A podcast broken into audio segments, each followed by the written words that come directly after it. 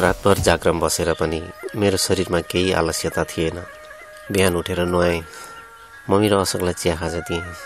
म पनि खाजा खाएर मेरो काम छ भनेर मैले बाहिर निस्कने योजना बनाएँ। मम्मीलाई केही पनि जानकारी नगराई म अशोकलाई लिएर सिधै कृष्णको घर गएँ। कृष्णको घरमा पुग्दा भान्सा कोठामा ऊ काम गरिरहेको थियो। कृष्णको मम्मीलाई नमस्कार गरेँ। एकछिन बोलेपछि कृष्ण बाहिर निस्कियो।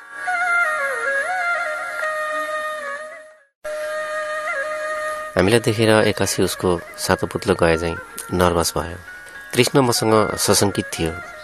मैले आफ्नो निर्णय उसैलाई सुनाउने विचार गरेको थिएँ।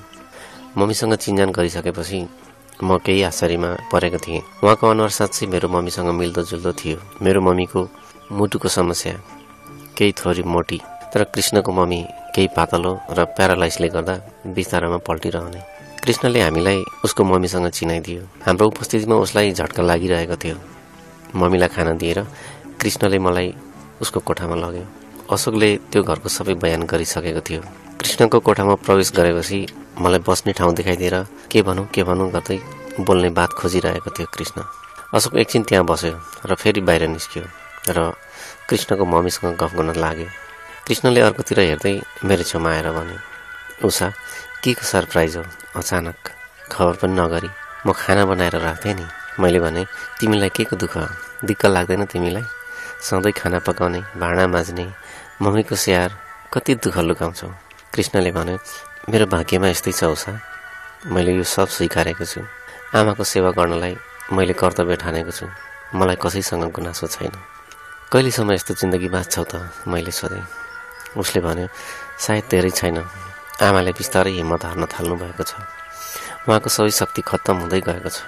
अब म एक्लो हुन धेरै दिन छैन। किन तिमी निराश भएको कृष्ण?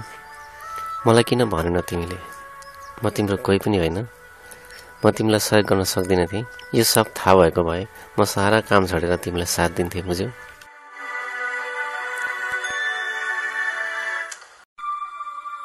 कृष्णले फेरि सोध्यो किन यस्तो गर्ने तिमीले? त्यत्रो त्याग। तिम्रो लागि आफ्नो केरियरभन्दा हामी कसरी महत्त्वपूर्ण भयौँ? हामी तिम्रो को हौ र यस्तो गर्नलाई? ए हामी तिम्रो को हौ? मतलब म तिम्रो कोही होइन अनि तिमीहरू मेरो केही होइन? हो? के भन्न खोजेको तिमीले? पुराना संवादहरू जस्ताको तस्तै दोहोरी। मैले कृष्णलाई भने हेर कृष्ण मैले तिमीले मम्मीसँग गरेको सबै कुरा सुनिसकेको छु। तिमीले मलाई यत्रो माया गरेर मन मनै कत्रा कत्रा सपनाहरू सजाएर पनि किन नभनेको म तिमीलाई मारिहाल्थेँ र? सरी उषा मलाई डर लाग्यो। यही मेरो कमजोरी छ। प्रेमको मामिलामा म कमजोर छु। डरले गर्दा मैले कसैलाई प्रेम गरेको छैन। तिमीलाई गरेको थिएँ। त्यो पनि डराएरै मलाई भित्रभित्रै जलाइरहेको छ। मेरी आमा मलाई सधैँ भन्नुहुन्छ समाज अभिभावक र जातपातको डरले प्रेमको हत्या कहिल्यै नगर भनेर। उहाँले आफ्नो इतिहास सुनाएर कसैलाई प्रेममा धोका दिएकोले जिन्दगीभर पोलिरहेको कुरा सुनाउनुहुन्छ। म भने डराएरै प्रेममा असफल भएको छु। तिम्रो मम्मीसँग पनि मैले डराउँदै भनेको थिएँ। मेरो मनमा भएको सबै कुरा थाहा पाएछ मलाई अझै पनि डर लागिरहेको छ। तिमीले केही पनि जवाब दिएको छैन अहिलेसम्म। कृष्णले नबिसाइ आफ्नो कुरा भनिसकेर चुपचाप लाग्यो। म उसको यो अन्तिम हिम्मत देखेर खुसी भएँ र भने ठिक छ। यस्तो आँट गर्नुपर्छ। अहिले भन्न सक्यौ त। मलाई देख्दा हिम्मत आउँछ भन्ने। अनि मेरो प्रेम चाहिँ मलाई बताउन नसक्ने। अहिले कसरी आयो हिम्मत? यो हिम्मतको ढोका तिमीले खोलिदिएको हो उषा हो म तिमीलाई प्रेम गर्छु। अब यो प्रेमलाई तिमीले इन्कार गर्यो भने म जिन्दगीभर कसैलाई प्रेम गर्ने हिम्मत गर्दिनँ। तिमी मेरो पहिलो प्रेमिका हो र अन्तिम पनि हो। मेरो जीवन र गीत सङ्गीतको सबै यात्रा तिम्रो आगमनलाई पर्खिरहेको छ। यो बेला तिमीले मेरो हात समायो भने मेरी आमाको पनि शान्तिको मरण हुनेछ। अनि म अझ राम्रा राम्रा गीत गाउनेछु। मेरो एउटा धोको छ।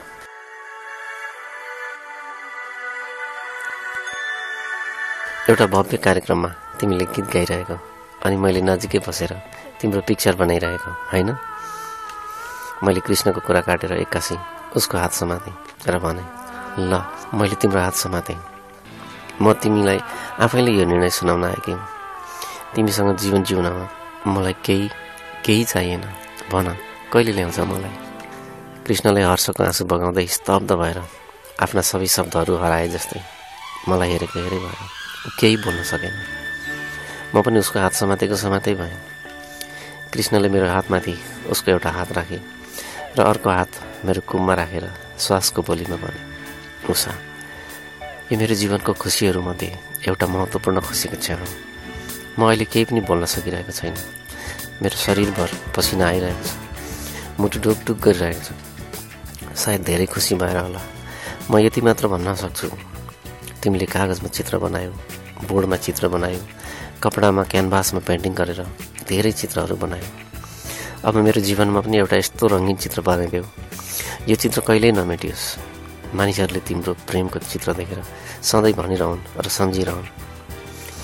तिमीले सजाएको रङ्गीन जीवनमा म मिठा मिठा गीत गाएर दुनियाँलाई आनन्द दिन सकौँ। बस यति नै आई लभ यु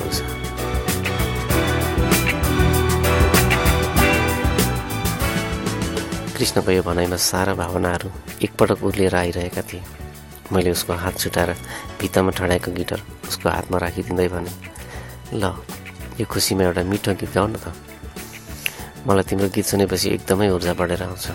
नजिकमा तिम्रो गिटार अनि तिम्रो हातले बजाएको गिटारको आवाज र तिम्रो मिठो स्वर। यति सुनेपछि प्रकृतिको सुन्दर सुन्दर चित्र बनाउने रहर छ मलाई। कृष्णले गिटार समातेर केही मन्द धुनहरू बजायो र गीत गाउन थाले। म उसँग टाँसिएर गीतका शब्दहरूमा बग्दै सुनिरहेँ। हरेक शब्दमा कृष्ण थियो। अनि उसको तरङ्गहरूमा उषा बादलमा नाचेर पानीको थोपा भएर नदीभित्रका माछा भएर उसको वरिपरि घुमिरहेकी थिए। कृष्णले मेरो लागि यस्तो गीत गाएको थियो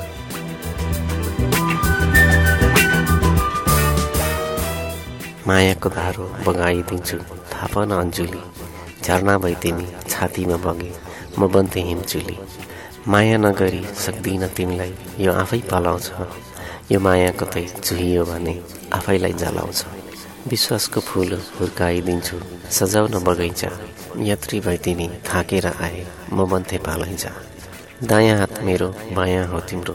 कसरी मिलाउने? उद्रिन लाग्यो मुटुको पर्दा कहिले हो सिलाउने? विरतीको गाना सुनाइदिन्छु न छेउमा। माछी भए तिमी पौडिँदै आए म लुक्थेँ ल्याउमा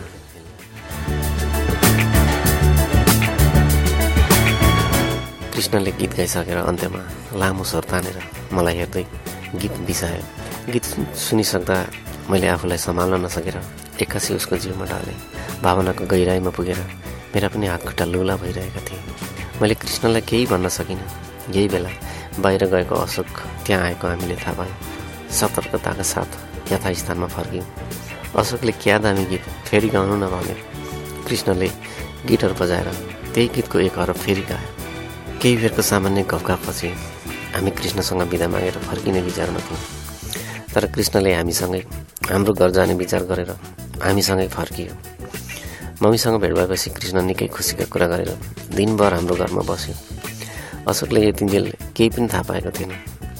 कृष्ण त्यो दिन अबेरसम्म हाम्रै घरमा बस्यो र साँझको खाना खाएर फर्कियो। जाने बेलामा उसले मलाई सुटुक्क भन्यो मेकअप गर्न सिक्दै गर। बेहुली बन्ने दिन आउँदैछ